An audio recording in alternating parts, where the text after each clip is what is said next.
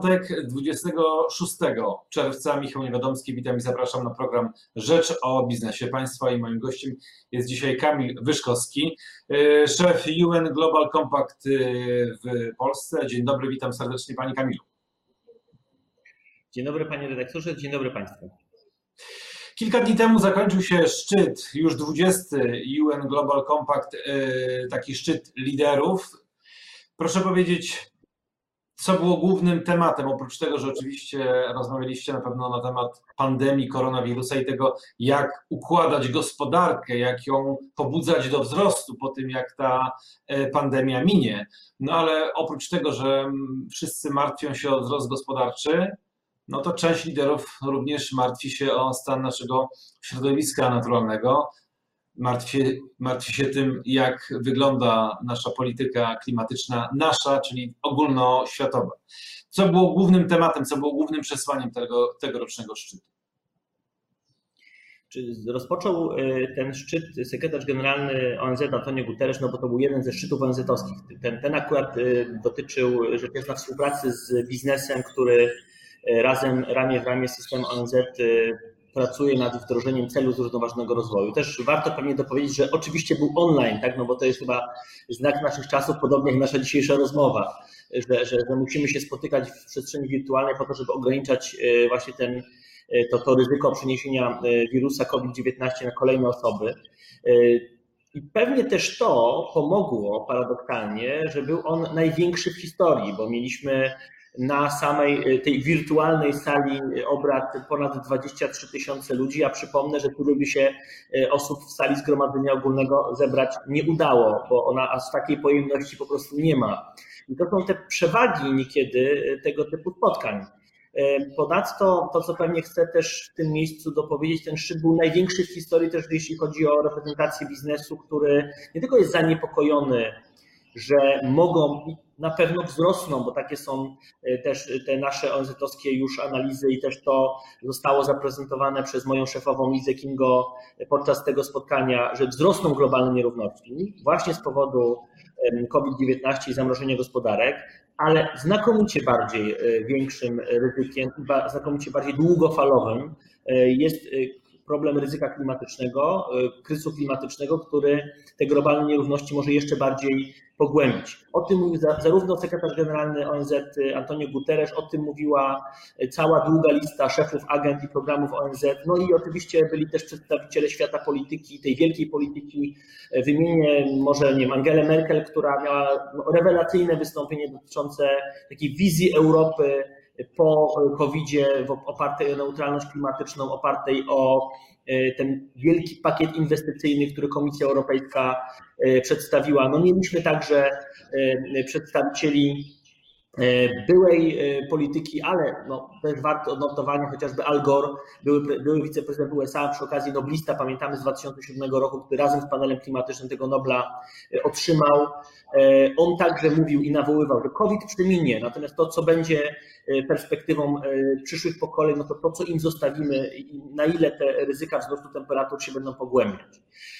Mieliśmy też polskich przedstawicieli w ramach tego e, wydarzenia. To też warte odnotowania, zarówno pan minister klimatu Michał Kurtyka miał swoje wystąpienie w tej części otwierającej pierwszego dnia szczytu. Przewodniczącą delegacji była pani minister funduszy i polityki regionalnej, pani Jarosińska Jedynak. I pani minister w swoim znowuż wystąpieniu zwracała uwagę na to, że na ten, na ten pakiet inwestycyjny i właśnie na to, że ta szansa na transformację gospodarczą też tej części Europy, tej części świata e, no jest unikalna, że tak naprawdę po covid i po tej traumie COVID-u e, jest szansa na rozruszanie gospodarek w oparciu o ten impuls związany z zielonymi inwestycjami. No i też to, co było podniesione podczas tego szczytu, to porozumienie bankowe. Ja przypomnę, że ono miało miejsce dokładnie mniej więcej rok temu, 26 września 2019 roku w Nowym Jorku przy okazji Zgromadzenia Ogólnego. Wtedy sekretarz generalny zwołał się wspólnie z moją organizacją tak zwany Climate Action Summit, w ramach którego doszło do porozumienia banków rozwoju, czyli Bank, Europejski Bank Inwestycyjny, EBI, oczywiście EBOR, Bank Światowy i inne banki rozwoju regionalne plus banki komercyjne uzgodniły, że wycofują kapitał z e, inwestycji wysokoemisyjnych i przenoszą go na inwestycje zero i niskoemisyjne. I ten ruch jest bardzo dobrze widoczny chociażby w strategii Europejskiego Banku Inwestycyjnego. Zresztą zaraz po naszej rozmowie przyłączam się na, na dyskusję konsultującą nową strategię EBI też tu w Polsce, żebyśmy byli bliżsi do wdrożenia tych pakietów E, inwestycyjnych, które lubimy nazywać Nowym Zielonym Ładem, czy Green Dealem europejskim, bądź w inny podobny sposób. Natomiast no, te strumienie finansowania, one rzecz jasna muszą być mądrze wdrożone przez sektor prywatny. Rzecz jasna mówimy o sektorze energetyki, ale też powiązanym z energetyką w sektorze, nie wiem, chociażby deweloperskim, e, budowlanym, e, jeśli chodzi o termomodernizację budynków i obniżenie energochłodności polskich miast i generalnie mieszkalnictwa, ale też budynków biurowych.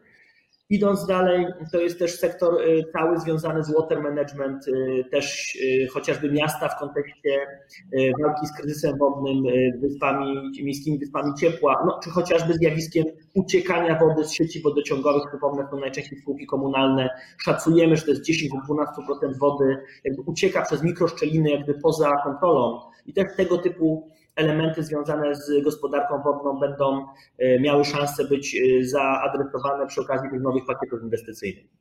Mówił Pan, że ten tegoroczny szczyt był wyjątkowy nie tylko z uwagi na to, że 23 tysiące ludzi mogło wziąć w nim udział, no bo e, sala plenarna w Nowym Jorku tyle osób oczywiście nie jest w stanie pomieścić, ale również z uwagi na bogatą i liczną reprezentację biznesu. Z Polski też przedstawiciele biznesu na, e, na ten szczyt wirtualny pojechali, wzięli w tym szczycie udział, między innymi przedstawiciel PKP Energetyka, PGNiG-u i też innych e, spółek. Co do zakomunikowania miały te polskie firmy? Znaczy ja po pierwsze chcę podkreślić, że pierwszy raz, gdzie udało się przy dużym wsparciu, nie ukrywam, i ministra Kurtyki, i pani minister Jarosińskiej, bo ten czynnik polityczny jest bardzo ważny. Też ta współpraca, uważam, wzorcowa w tym przypadku z e, Polskim Ministerstwem Spraw Zagranicznych, ona zaowocowała, że udało się włączyć do agendy e, szczytu polskie case'y, tak, polskie case'y biznesowe, bo przypomnę, że konkurujemy z całym światem. Czyli cały świat biznesu chce być obecny na tym forum ze swoimi rozwiązaniami technologicznymi, ze swoją marką, tak? bo to jest też element pozycjonowania marek przecież. E, to, że się to udało, że się nie tylko pojawiło właśnie wspomniane PKP Energetyka, ale też PGNiG, czy też była Skanska ze swoją propozycją, tą polską, więc zaraz o tym opowiem. E, I też mieliśmy właśnie EBI, e, biuro warszawskie, tak żeby Europejski Bank Inwestycyjny trochę opowiedział, co, co planuje zrobić w Polsce w ramach transformacji energetycznej. Przykład PKP Energetyka, o który pan redaktor pyta, on jest o tyle unikalny, że PKP Energetyka wypracowała jeden z najbardziej ciekawych projektów infrastrukturalnych dotyczących, sektorowych, dotyczących akurat kwestii kolejowych. PKP Energetyka przygotowało i też zarządziło taką strukturą Centrum Efektywności Energetycznej Kolei, gdzie mamy całą grupę kolejową. E, tam jest ponad 100 podmiotów, e, oczywiście od PKP SA, kończąc na PKP Cargo, PKP Intercity i tak dalej. Idea jest taka, żeby przenieść polskie kolejnictwo z węgla na e, umownie oczywiście na słońce i wiatr. Przypomnę, że z sieci elektroenergetycznej kolej pobiera 1,7% e, prądu. E, I teraz to, co jest tym projektem inwestycyjnym, to przejście na słońce i wiatr, tak żeby nie musiała kolej tych, tej energii pobierać, tylko żeby ona była E, niejako pozyskiwana z właśnie OZE w oparciu o projekt inwestycyjny w słońce i wiatr, który przed nami.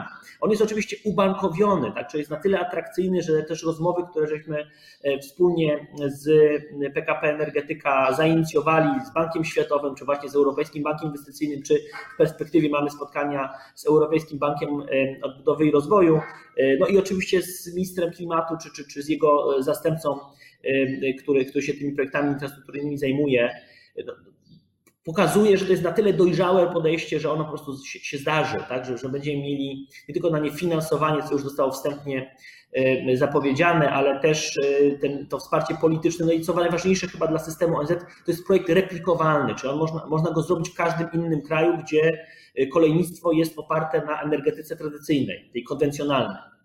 E, I to było najbardziej unikalne. Zarówno partnerstwo, które zostało zrobione, jak i podejście, które opiera się na OZE e, w, tej, w tym najlepszym wydaniu, czyli słońce i, i wiatr, czyli zeroemisyjnie.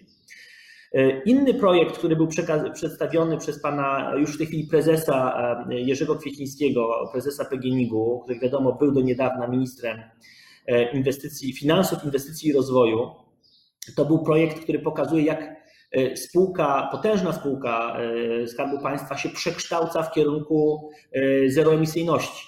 I tam z jednej strony był pokazany program wodorowy, z drugiej strony był pokazany program biometanowy.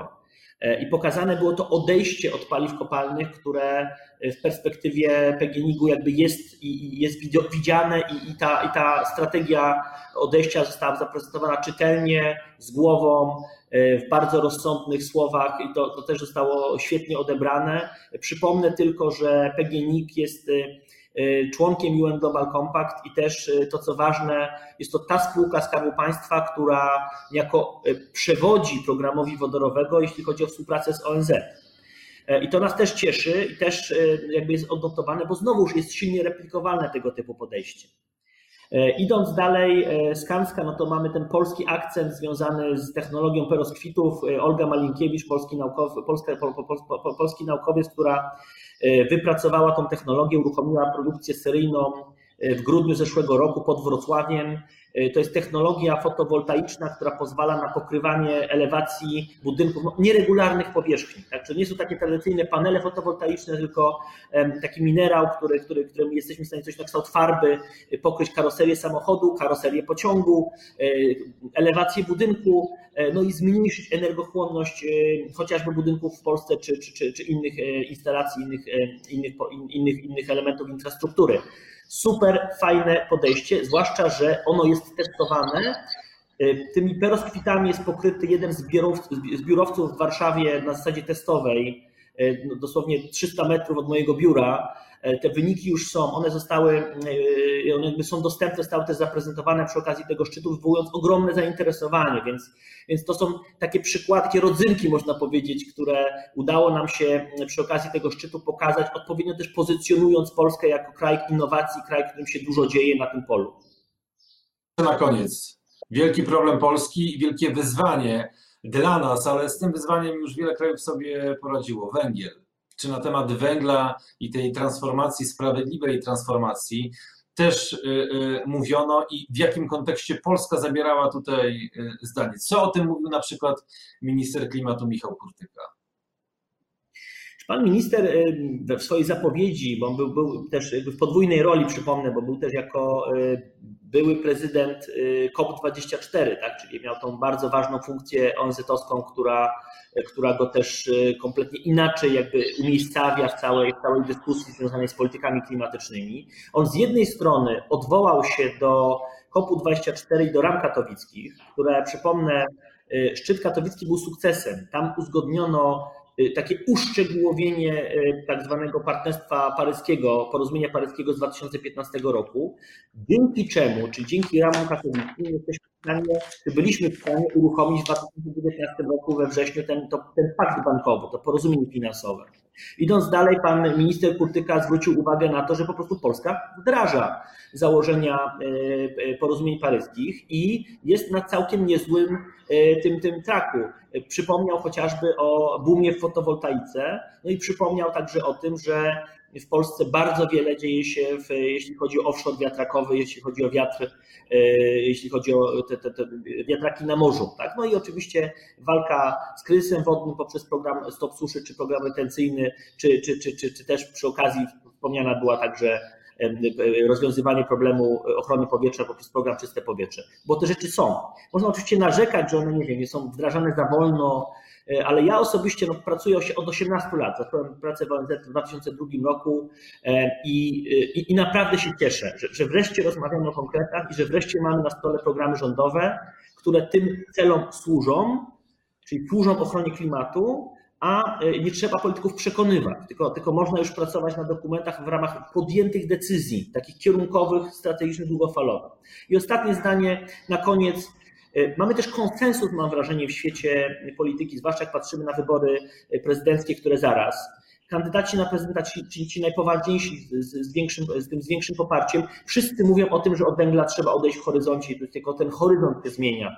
Czy to jest 2030, 2040 czy 2050, ale ta decyzja jakby jest podjęta i też sami górnicy, co akurat wiem z moich tam częstych rozmów z panem profesorem Buskiem, Sami górnicy, no nie ma lepszej osoby jak profesor Buzek, który rzeczywiście się na i górnictwie, i energetyce, i na górnikach zna, no bo mieszka i zna się na, na, na, na Dolnym Śląsku i Śląsku.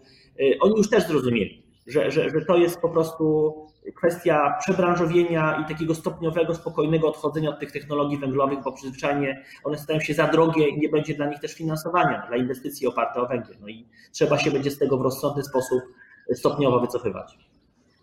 Recover better, recover stronger, recover together. To jest hasło tego, to było hasło tegorocznego szczytu, szczytu UN Global Compact, o którym dzisiaj mówił Kamil Wyszkowski, który jest przedstawicielem krajowym i prezesem Rady UN Global Compact Network Poland. Długa nazwa, ale też i e, długa lista zadań, które stoją przed Panem. Bardzo dziękuję za dzisiejszą rozmowę, bardzo dziękuję za dzisiejsze spotkanie.